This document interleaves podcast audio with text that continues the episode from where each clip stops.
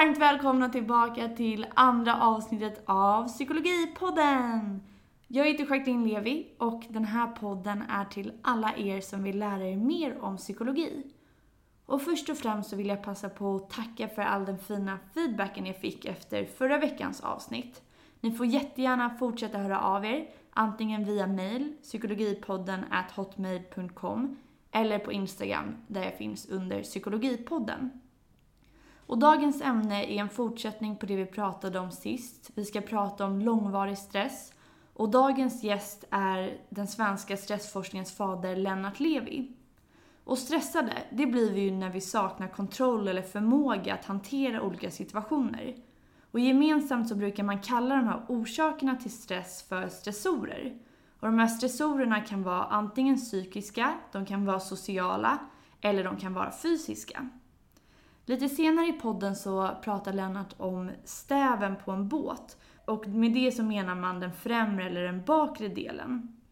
Han säger också ordet karikera det betyder att man överdriver i syfte oftast att förlöjliga någonting. Och slutligen så använder jag ordet promotion och det betyder att man främjar någonting eller i främjande syfte. Men nu är det slutsnackat och jag tycker vi sätter igång med det andra avsnittet. Välkomna hit!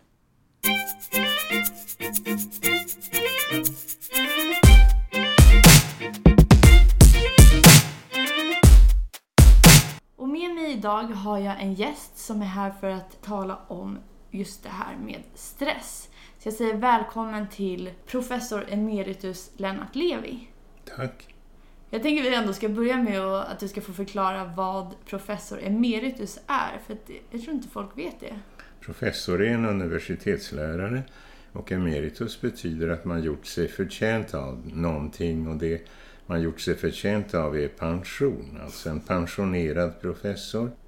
Så du är en, en pensionerad och passionerad professor helt enkelt? Ja.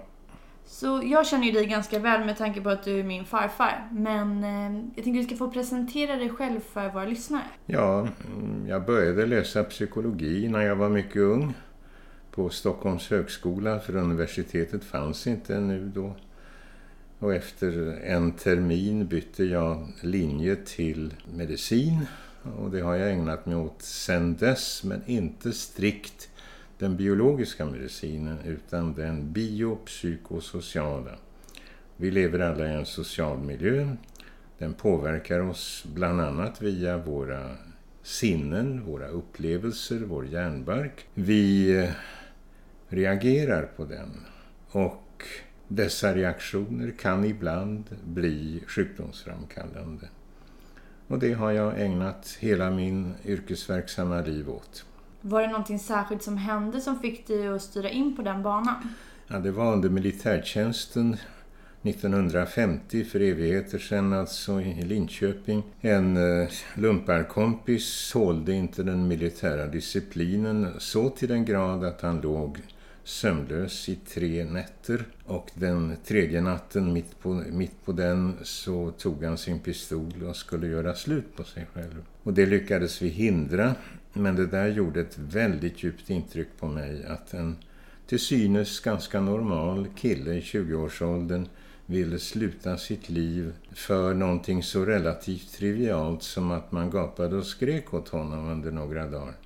Och då tänkte jag det måste jag undersöka, det måste jag studera och det har jag gjort sedan dess. Och försökt göra något åt det också. För att bara mäta på längden och på tvären, det räcker ju inte. Det gör ju inte någon glad utom den som mäter. Nej, det är sant. Så att du började studera det här efter, eller du blev intresserad av det här ämnet helt enkelt efter den här händelsen. Ja. Och i dagens samhälle så är ju stress någonting som man talar om väldigt, väldigt ofta i många forum. Har det alltid sett ut så? Nej, alltså när jag började för, eh, vad blir det nu, eh, 65 år sedan ungefär så sa man att lite jäkt och lite stress får man väl tåla. Och stress då var nästan liktydigt med jäkt. Att ha för mycket att göra under en begränsad tidsperiod som man hade till sitt förfogande. Men eh, man blir lika stressad av att ingenting har att göra att vara arbetslös exempelvis. Eller att vara uttråkad. Det är också stressframkallande. trots att det ju inte är speciellt dramatiskt. Så eh, det är precis som du sa, det är att utsättas för krav som ligger i närheten av eller överstiger vad man egentligen klarar av. Vad man klarar av utan ansträngning ska vi säga. Klarar av gör man ju rätt mycket. Så man pratar mycket om då krav och kontroll låter det som? Ja, det är ett försök att systematisera kunskapen kring stressbegreppet och stressens orsaker. Då är det två amerikaner och en kollega till mig som efterträtt mig som professor och själv är nu professor emeritus, Töres Theorell. Eh, de tre har då tillsammans formulerat krav, kontroll, stödmodellen. Det som framkallar stress är bland annat att kraven är större än man enkelt klarar av. Eller de är långt mindre än man skulle vilja ha för att ha något att sätta tänderna i. Eller de är av fel sort, till exempel att man kräver någonting man inte är utbildad för och ändå måste prestera. Och i samtliga dessa fall så mår man inte bra. Det andra är kontroll och det innebär inte att vi blir kontrollerade, det innebär att vi har egen makt, makt över den egna vardagen. Att vi kan påverka vad vi gör och när vi gör det och hur vi gör det. Inte inom eh, hur mycket som helst, men inom rimliga gränser. Så när om chefen pekar med hela handen och säger nu gör du det här och på det här sättet och inom den här tidsramen, då gillar vi det vanligen inte.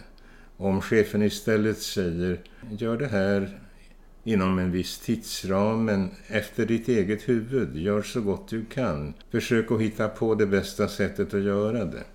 Då blir det plötsligt betydligt roligare och betydligt trevligare och man mår betydligt bättre.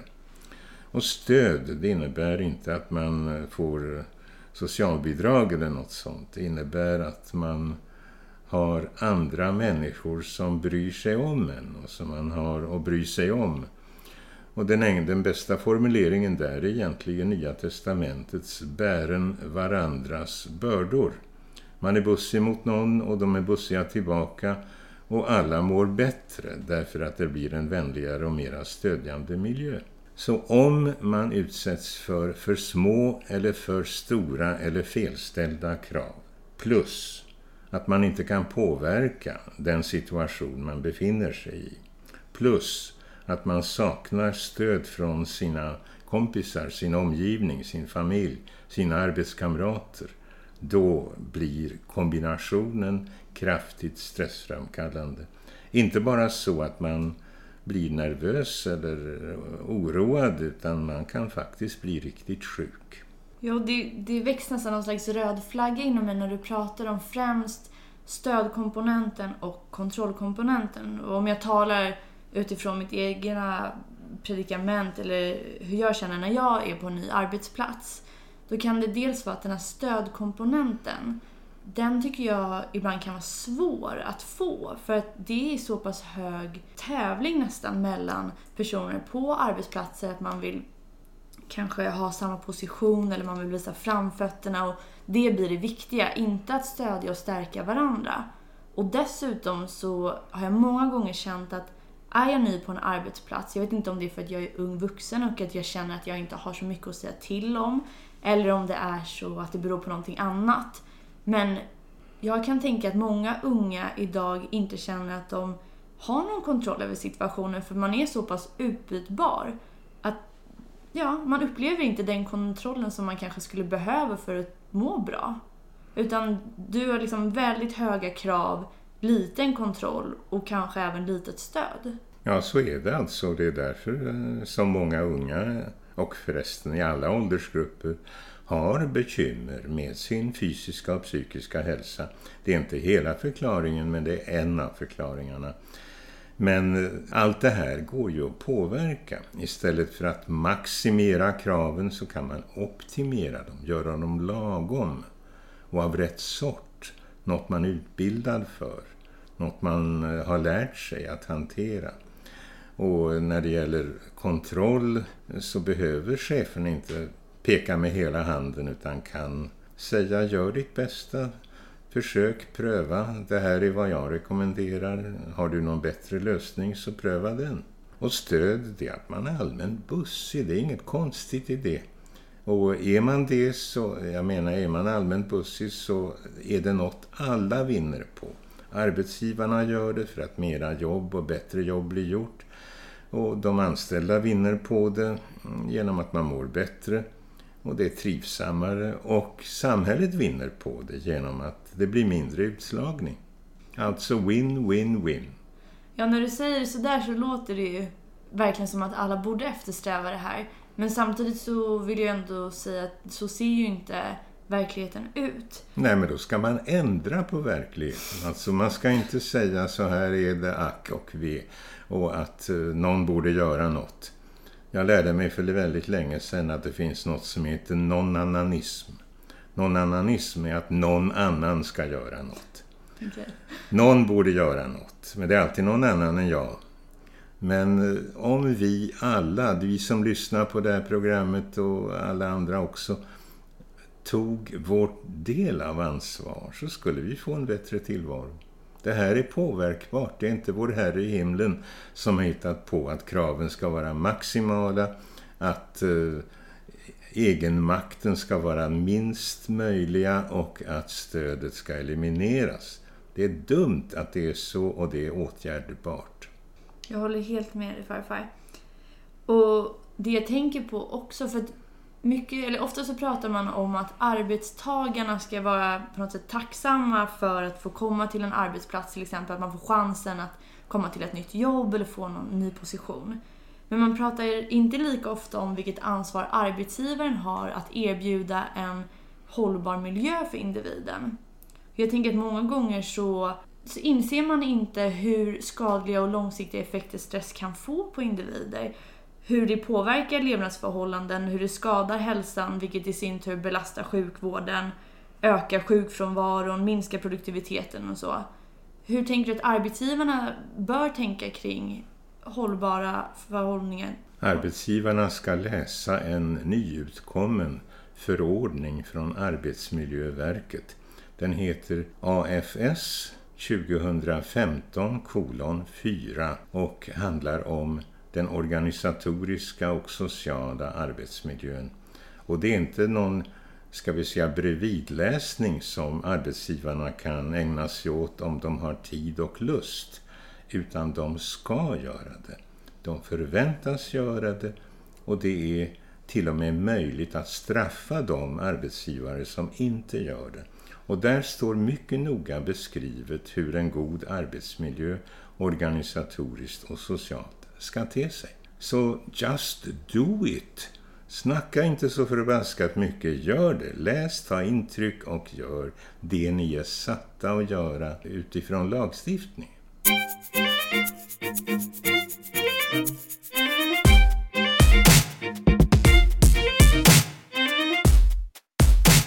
Så om man talar om stresssjukdomar, är det någonting som är berättigat? För det är ju någonting som man faktiskt talar väldigt mycket om, främst då kring utmattning. Det är berättigat och skälet är att vi alla har en benägenhet att reagera med stress.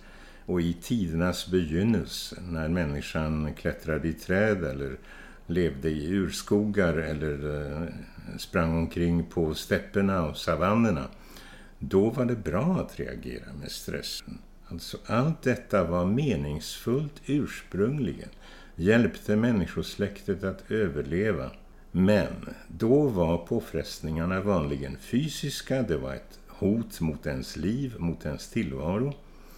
Och det var kortvarigt. En puma jagar en inte flera veckor eller månader eller år.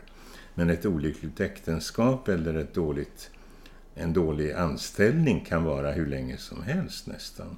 Så det är en viktig skillnad att då var påfrestningarna kortvariga, idag är de ofta långvariga, kroniska. Och eh, då la man sig att sova och då återhämtade man sig. Nu kanske man ligger sömnlös och kan inte återhämta sig. Och eh, ännu en viktig sak, på den tiden kunde man inte göra mycket åt saker och ting. Jag menar, jagades man av vilddjur så bara händer det. Var det översvämning så bara hände det. Och var det skogsbrand så bara hände det. Man kunde tänka sig att det var gudarna som straffade en för något som någon hade gjort. Men man kunde inte påverka det annat än genom att fly. Men idag kan man påverka, eller tror att man kan påverka och försöker därför att påverka och ofta utan att lyckas och då blir man väldigt frustrerad. Så det låter som att förr i tiden och även ibland idag så är ju stressen ändamålsenlig. Den fyllde en slags funktion. Ja, visst, om det kommer en fyllbus vill slå en på käften så är det alldeles utmärkt att man kan fly eller att man kan sätta sig till motvärn. Precis, och en tillvaro helt utan ångest eller stress det, det är inte möjligt och det är inte heller någonting vi eftersträvar för det har ju fortfarande ett överlevnadsvärde idag och även då evolutionärt sett. Man kan säga att stress är organismens varvtal. Som en motor har ett varvtal. Står den still då är den död. Körs den på högvarv ständigt så blir den försliten. Men körs den på lagom varv då, då mår den bra. Då surrar den som en spinnande katt. Surrar som en spinnande katt. Men jag funderar på en sak till som jag undrar hur du tänker kring. För att stress, i min värld så har det nästan blivit så att stress är någonting prestigefyllt.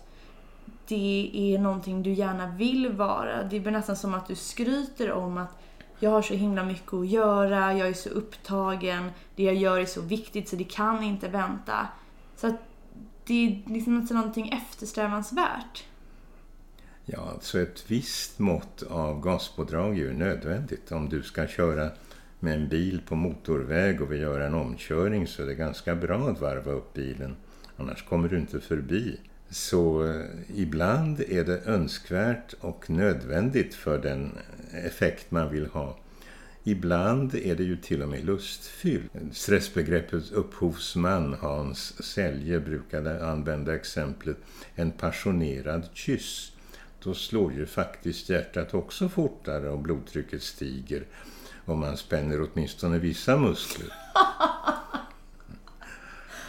Så, och, det, och, det, och det är ju ingenting man vill förebygga gärna. Nej. Utan eh, det talas ibland om den glada stressen. Det är ju när kraven på en är höga men man också har god egenmakt. Man kan påverka det man mm. utsätts för.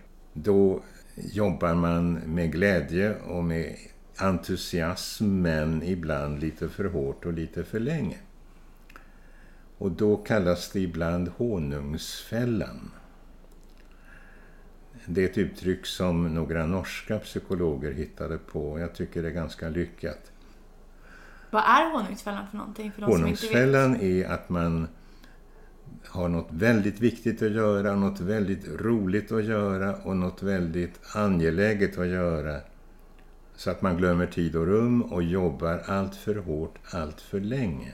Även det sliter på organismen. Det, visserligen under angenäma former, det är att föredra framför att det görs under oangenäma former. Men även det orsakar slitage. Man kan bli utbränd trots att man brinner med en ljus och stark låga. Det finns förresten en fin dikt om det.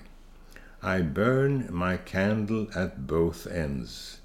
It will not last the night. But oh my foes and oh my friends, it gives a lovely light. Dagens visdomsord. Ja, det är inte jag som hittat på det, men det är det. Du har ju en sån där röst som gör att allting du säger, du skulle kunna prata om köttbullar och makaroner. Det har jag svårt för. jag skulle ändå lita på dig.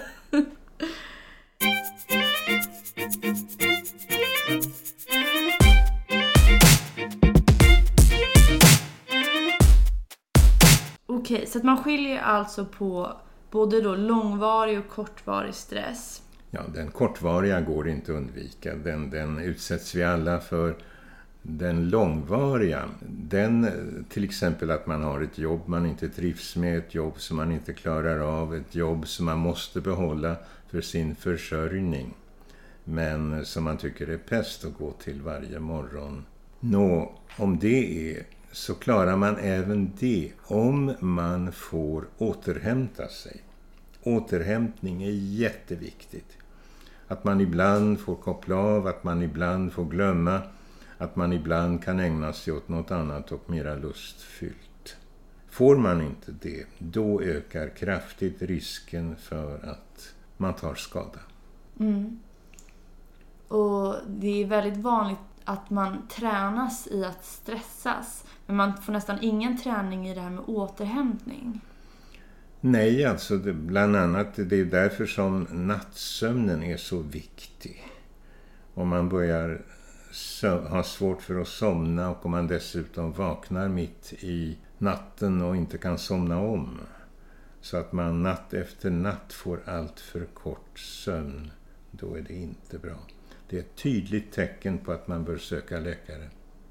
Så att återhämtning främst i form av åtminstone sömn men även roliga andra aktiviteter där man får tillfälle att slappna av. Ja. Det är inte att underminera. Det är väldigt viktigt att man får. Får man det så klarar man ganska mycket. Får man det inte då går, det, går man lättare ner för räkning.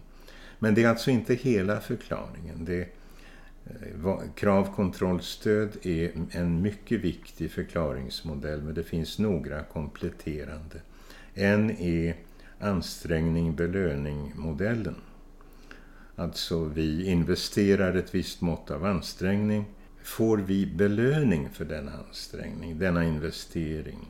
Det här gjorde du bra, bra jobbat. Du får löneförhöjning nästa gång det är aktuellt. Du får eh, möjlighet att utveckla dig yrkesmässigt. Du får längre semester. Du eh, ja, belönas på olika sätt. Då kan vi acceptera att vi anstränger oss ofta och länge. För att man får, man får något i retur. Uteblir den belöningen, då ökar klart risken för stress. Skadlig stress. Den tredje faktorn att tänka på är rättvisa. Om du jobbar så ögonen blöder och någon annan gör hälften av ditt jobb och får dubbelt så mycket betalt och du ser detta då känner du att det här är orättvist och det är också starkt stressframkallande. Stora glapp mellan vad folk borde få och vad de faktiskt får och vad somliga får och andra inte får. Stora orättvisor i samhället är också stressframkallande. Ju mer orättvisor, dess större ohälsa i befolkningen. Så vem bär ansvaret för att dessa modeller ska efterföljas? Ja, ett, en eh, part i sammanhanget är förstås vårt samhälle, vår regering, vår riksdag, våra kommuner och landsting, våra arbetsgivare och arbetstagarorganisationer. Men ytterst också vi själva. Eh, de allra flesta av de här situationerna uppstår ju därför att människor fattar beslut. Och om de besluten är dumma och elaka och eh, människofientliga då mår folk illa. Så låt bli förstås att göra så, för egen och andras del. Men om vi säger att jag skulle befinna mig på ett jobb där jag har väldigt höga krav på mig, låg kontroll, känner inte att jag kan säga till om att jag tycker att jag blir orättvist be bemött. Jag får knappt någon belöning för mina väldigt stora ansträngningar. Och stöd om jag har någon kompis på jobbet som har det likadant och vi brukar prata om det.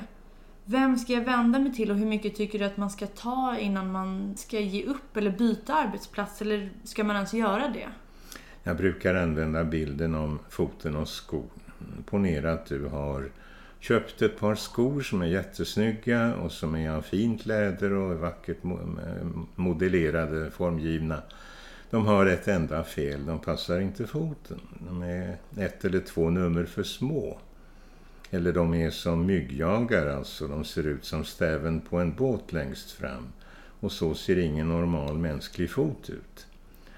Och de klämmer foten alldeles förskräckligt och foten gör ont. Stress. Nå, då kan man naturligtvis eh, säga, ja men om man då tar bort stortån och lilltån och gör foten mera båtformad, då blir allt gott. Då passar foten in i, i skon. Men du kanske vill ha tårna kvar. Den andra möjligheten är att säga, ja men eh, smärta är ju något som sitter inte i fötterna utan i hårfästet, under hårfästet. Det är ju något man känner och det är ju en process i hjärnan. Alltså är det dit man ska rikta sin uppmärksamhet och sina åtgärder. Så ta en stor vit tablett och lös upp den i vatten och ta den tre gånger om dagen så känner du inte smärtan. Och då säger du kanske att ja men eh, fotfötterna blöder ju, det är ju inte bra. Trots att det inte gör ont för just för ögonblicket. Och då kommer du till en psykiater och psykiatern säger, jag karikerar lite grann men det förstår du. Då säger psykiatern, ja men eh, det är normalt att ha ont i fötterna.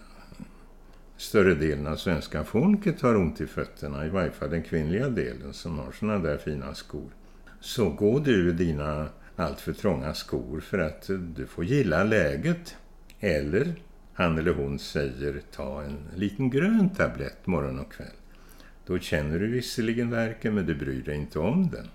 Och så finns det ännu en möjlighet och det är att lästa ut skon. Man gör något åt situationen. Det kan var och en av oss försöka göra och vi kan göra det när vi inte kan själva ha det inflytandet så kan vi göra det genom våra fackliga organisationer, genom LO, TCO, SACO, de kan tala med arbetsgivarna, de kan hänvisa frågorna till Arbetsmiljöverket. Det finns alltså en massa möjligheter att göra situationerna bättre. Också den politiska vägen, man kan gå in i ett parti och, och agera genom partiet. Och man kan göra det på nationell nivå men också på multinationell och internationell Världshälsoorganisationen, Internationella arbetsorganisationen, två FN-organ som har arbetat med det här väldigt länge. Jag vet det eftersom jag har varit inblandad i de verksamheterna. EU har intresserat sig för det. EU har till och med anvisningar för hur man ska hantera arbetslivets stress. Alltså, det är inte vår Herre i himlen som har hittat på att vi har det som vi har det, utan det är människor som ofta blundat för biverkningar av de åtgärder de vidtagit. Åtgärder som varit stressframkallande för dem själva eller för deras medmänniskor. Allting låter så självklart när du säger det, men om man tittar på statistiken hur det ser ut i Sverige idag så psykisk ohälsa har ju aldrig varit så stor som den är just nu. Den har ökat under 30 år till fördubbling, alltså ja. För unga människor är det så. Och det, men det beror på att man i vårt samhälle har en olycklig benägenhet att titta på ett problem i taget. Regeringen har 12 departement. Varje departement konkurrerar med varje annat departement om finansdepartementets utdelning av resurser. Eh, I riksdagen finns det 15 utskott. Meningen är att varje proposition eller varje motion ska hamna i ett utskott. Möjligen i två, men helst bara i ett. Med andra ord, man ser en aspekt på varje problem, men inte de andra aspekterna. Och det gör att försöken att göra något åt problemen blir ineffektiva och dyra och inte särskilt människovänliga. Men det är återigen saker som man kan ändra på. Det är inte givet av vår Herre. Det är påverkbart av människor för människor. Så då kan man tala om både prevention, alltså i förebyggande syfte, men man kan också prata om promotion. Ja visst, alltså det, det är inte bara att, att, det inte, att skorna inte ska ge skoskav och att man inte får blödande fötter. Det är ju rätt bra att fötterna trivs i sina skor att skorna är fotriktiga. Det är inte bara att sträva efter frånvaro av sjukdom. Världshälsoorganisationen har definierat hälsa inte bara som frånvaro av sjukdom eller lyte utan också som närvaro av psykiskt, fysiskt och socialt välbefinnande. Och detta välbefinnande kan man främja genom att göra miljön människovänlig, till exempel ha lagom stora krav, ge ganska mycket egenmakt, ge god, gott socialt stöd, belöna för satsad ansträngning och minska orättvisorna i samhället. Det, det, är inte lätt, det går inte att göra över en natt, men det är absolut inte omöjligt. Så jag hoppas på nästa generation, till exempel den som just nu sitter framför mig. Jag jobbar på det.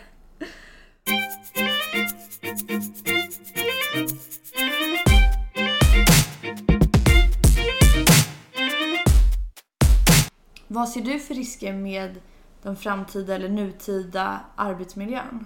Ja, en risk är ju att jobben tar slut. Alltså att så mycket görs av datorer och robotar att de relativt få som behövs för att sköta dessa robotar och dessa datorer att det inte räcker för en stor befolkning. Befolkningen ökar ju dessutom. Vi är snart 8 miljarder och vi beräknas bli 12 miljarder år 2050. Och då undrar man ju var ska alla finna meningsfulla jobb? Därför bör man kanske ha befolkningsplanering så att man inte blir 50 miljoner. Eh, förlåt, eh, 12 miljoner, inte 50. Då får vi flytta till någon granne. Det är inte miljoner dessutom, miljarder, miljarder. Det blir fler nollor på det. Eh, men allt det där är påverkbart. Inte enkelt, inte, inte med en eh, quick fixes, men definitivt påverkbart. Och det är ett, vårt gemensamma ansvar att försöka åstadkomma det. Inte, var, inte en eller ett par av oss, utan alla. Att man börjar tänka vad är det vi vill, vad är det vi vill ha för samhälle, vad är det vi vill ha för arbetsliv, vad är det för liv jag vill leva. Och inte bara vem som ska vinna Melodifestivalen. Det finns viktigare frågor. Um, nej men jag tänker att, för du talar ju då lite mer om samhällsorganisationen eller ohälsa på strukturell nivå. Men vi går ju mot ett allt mer individualiserat samhälle. Men inte för att vår Herre i himlen hittat på det, utan det eh, pendeln svänger fram och tillbaka. Ett slag skulle vi vara väldigt kollektiva eh, alla beslut skulle fattas gemensamt eh, i stormöten, vilket var en aning opraktiskt eftersom en del frågor lämpar sig inte för det. Och där är den indirekta demokratin bättre. Vi väljer folk som vi har förtroende för och de fattar å våra vägnar de klokaste besluten. Nå, men pendeln slår fram och tillbaka. Frågan är, mm, ska den få slå lite hur som helst? bara för att några gaphalsar vill det. Till exempel den som nu kandiderar för presidentskapet i, i USA. Eller ska vi lägga oss i? Ska vi ha en egen mening? Ska vi göra oss hörda? Ska vi sluta oss samman i grupper som diskuterar de här frågorna, sammanfattar vad vi kommit överens om och försöker få det genomfört? Det är en fråga. Och det är en fråga till oss alla och det är den vi har att ta ställning till. Så vad är enligt dig viktigt för ett gott liv? Ja, ungefär som man tänker sig en kosttallrik. Alltså, där ska det ju vara lagom mycket frukt och lagom mycket rotfrukter och lagom mycket kött och fisk och allt det där. Jag tänker mig på motsvarande sätt vad som är viktigt för ett gott liv är att älska och älska är ju inte bara den erotiska kärleken. Det är vår relation till andra människor. Vi speglar oss i dem, vi bryr oss om dem. Det gör livet meningsfullt om vi gör det. Det gör det meningslöst om vi låter bli att göra det. Det är att arbeta och arbeta behöver inte vara lönarbete. Man kan arbeta för Röda Korset eller Rädda Barnen. Men att man gör något som andra har glädje av. Och att leka en tredje komponent. Och leka inte bara och spela domino eller, eller ja, något annat spel. Utan det är att läsa en god bok, att höra på musik som man tycker om, att gå ut i skog och natur. Att uppleva tillvaron. och uppskatta dess många goda komponenter. Gör man det då får man ju ett hyfsat liv om man har rätt sammansättning av de där tre komponenterna. Att älska, att arbeta och att leka. Har du några konkreta tips eller råd kring hur man kan investera i sig själv i alla de där tre domänerna? Ja, det är ju att fråga sig själv vad man vill med sitt liv. En del är väldigt inriktade på att prestera. De ska absolut bli statsministrar eller presidenter i organisationer eller vad vet jag. Andra bryr sig mer om relationer. Att ha många vänner och att göra gott för andra människor. Andra återigen vill bli bäst i någon idrott eller i schack eller i bridge. Det ena är inte riktigare än det andra. Var och en ska fatta sina egna beslut. Men poängen är att man frågar sig vad man vill med sitt liv. Och sen försöker rikta in stäven på sin båt ungefär i den riktningen. Eh, James Thurber, en amerikan som levde för ett 50-tal år sedan, han skrev en liten dikt om det. Den lyder på engelska Old men should know before they die what they are running to and from and why. Och jag har med någon möda översatt det till svenska med bibehållet rim och då blir det innan du dör du veta bör vart hän du strävar och varför. Vart hän och varför. Och vet man det, då blir ju strävandet meningsfullt. Annars springer man i sitt ekorrhjul, svettdropparna flyger åt alla håll och man vet inte vart man är på väg och man kommer inte ur fläcken. Nu, och återigen så växte någon slags eh, röd varningsflagga här framför mina ögon. Och det är någonting som jag som ung ofta frågar mig själv. Vad, vad gör jag för någonting? Varför gör jag det här? Vart är jag på väg? Vem ska jag bli? Och mycket det här jag ska hitta mig själv. Och jag har väl kommit fram till att det här med att hitta sig själv, det går inte riktigt därför att jag har aldrig levt förut. Så att hitta mig själv skulle ju förutsätta att det finns någon färdigstöpt Jackie Levi någonstans. Och det gör det ju inte. Så hur ska man förhålla sig till, är det mer att man ska sträva efter att vara en viss person eller att man har sina värderingar klara så att man vet åtminstone vilket håll man går åt? Eller hur tänker du? Det, finns, det fanns ett gammalt uttryck på jiddisch och det lydde sein a mensch. Och a mensch betyder en människa. Men i den här betydelsen betyder det att vara en medmänsklig människa. Och är man en sån så blir livet meningsfullare och rikare och dessutom hjälper man andra människor genom att vara just sån. Eh, det finns en eh, filosofiprofessor i USA som eh, har en annan term för precis samma sak. Han kallade praktisk visdom. Visdom är ju inte bara att vara klyftig, att vara smart. Visdom är mycket mera. Eh, empati, att man bryr sig om andra människor ingår i visdomen. Och, men han betonar praktisk visdom. Inte att man håller långa tal i högstämda sammanhang utan att man i en viss given situation med vissa givna människor och med ett visst tidsperspektiv fatta rätt beslut. Och det kan man så småningom lära sig genom erfarenhet. Man prövar, man lär av erfarenheten. Man, man prövar och ser och så ser man vad som funkar och vad som inte funkar. Och så tänker man ännu på en sak som Solzhenitsyn, Alexander Solzhenitsyn, Nobelpristagaren från det gamla Ryssland. Han sa en gång, kom ihåg, träfracken har inga fickor. Det betyder att när man går bort så kan man inte ta sin förmögenhet med sig. Eller sina samlingar, eller sitt guld, eller sina ädelstenar. Det blir kvar. Det som däremot finns kvar, ja, som man kan ta med sig i någon mån, det är, det står i Havamal, att allting dör men ett vet jag som aldrig dör. Domen över död man. Det rykte man lämnar efter sig. Och då är kanske eh, det man kan sträva efter att ha lämnat världen i ett lite bättre skick än man mottog det som nyfödd baby. Känner du att du har gjort det? Det måste andra bedöma, det kan inte jag göra. Jag har försökt, men om det lyckas eller inte, det, Man talar ibland om intentionsmoral. Det betyder att man vill väl. Och så talas det om konsekvensmoral, det är att man gör väl.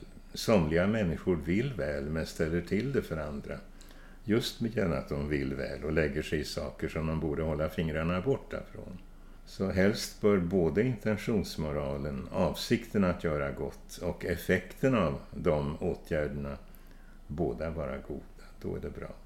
Du håller ju faktiskt på med ett projekt just med etik just nu. Vill du berätta för oss om det?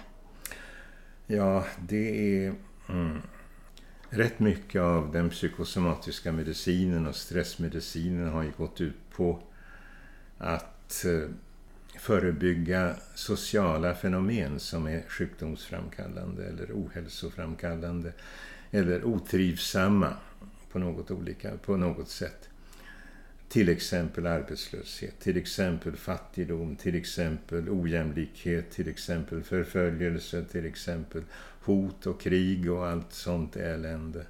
Och då verkar det som om man trott att alla de här skeendena kommer ramlande från en blå himmel och det gör de inte. De beror ju på mänskliga beslut.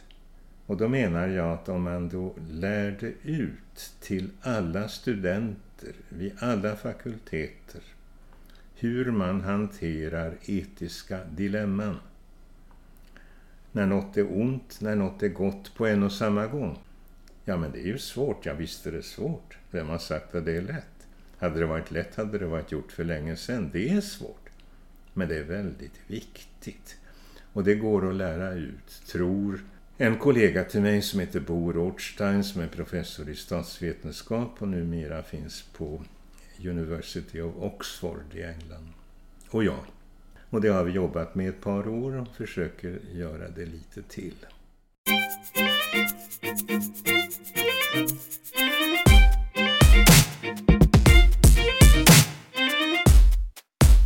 Innan vi avslutar så skulle jag vilja ställa två till frågor. Och den ena är utifrån det vi har talat om idag. Vad tycker du är det viktigaste man ska ta med sig? Ja, fråga vad man vill med sitt liv. Eh, för att vet man inte det, men det är ungefär som att ge sig ut i en roddbåt på ett stort hav och inte veta vad, eh, vad målet är. Det, det, är inte helt fel att göra det heller. Där har ju Karin Boye en formulering som får en att tänka efter. Visst finns det mål och mening i vår färd, säger hon. Men det är vägen som gör mödan värd. Och ibland är det resan som är målet. Att överhuvudtaget få denna, denna, detta privilegium att få leva och uppleva och uträtta och göra erfarenheter och så småningom bli årsrik. Årsrik blir man när man blir gammal. Man har många årsringar, ungefär som ett träd har det. När man blir emeritus.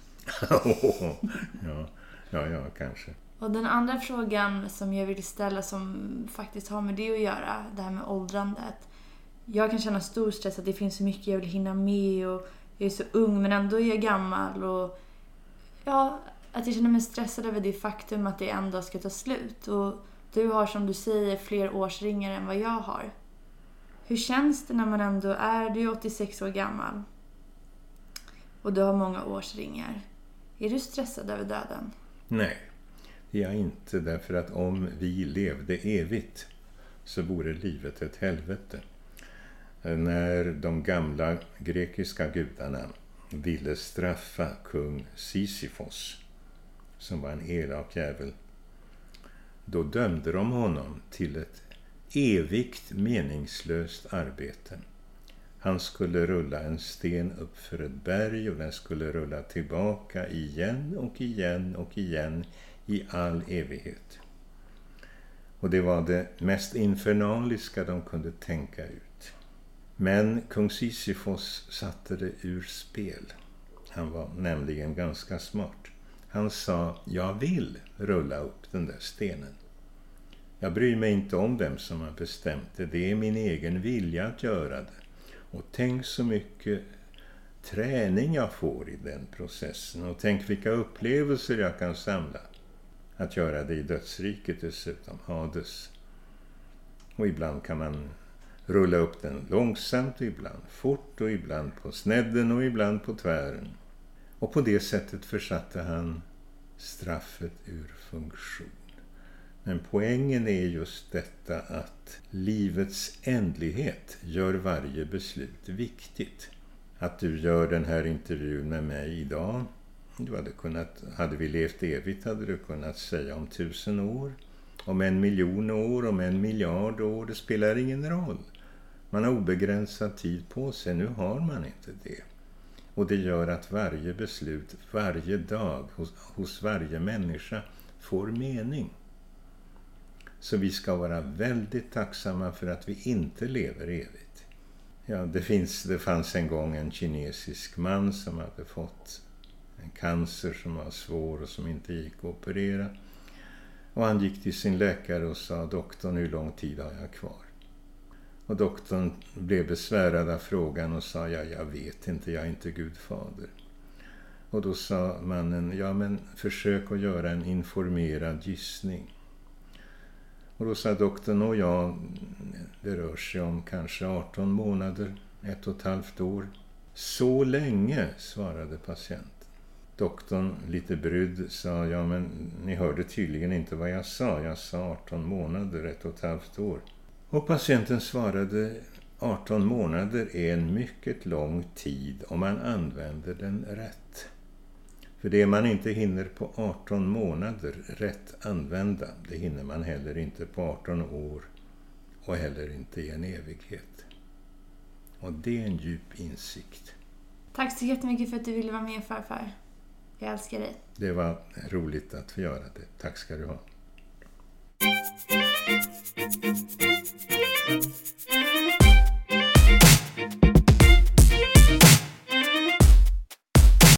Tack fina lyssnare för att ni var med mig återigen under ett avsnitt av Psykologipodden. Nästa vecka så kommer vi att prata om ångest med bloggerskan och författaren Michaela Forni. Jag hoppas verkligen att ni lärde er någonting idag. Jag tar främst med mig att återhämtning, alltså vila, är väldigt viktigt för att vi ska orka fortsätta så som vi gör. Och en annan sak som jag också vill lägga till, det är väl att många gånger så antar man att när någon säger nej till någonting, att de inte vill följa med, att de inte orkar eller att man gör så mot sig själv, då är det av anledningen att någon är lat. Så det känns som att antingen så är man stressad och då gör man massa saker, eller så gör man ingenting och då är man lat. Eh, jag känner inte riktigt att det är så vi ska bemöta det här med att man ska ta det lugnt, utan det är minst lika viktigt, om inte ännu viktigare, för att vi ska orka och för att det ska vara hållbart för oss i längden. Tack för idag. Puss och kram.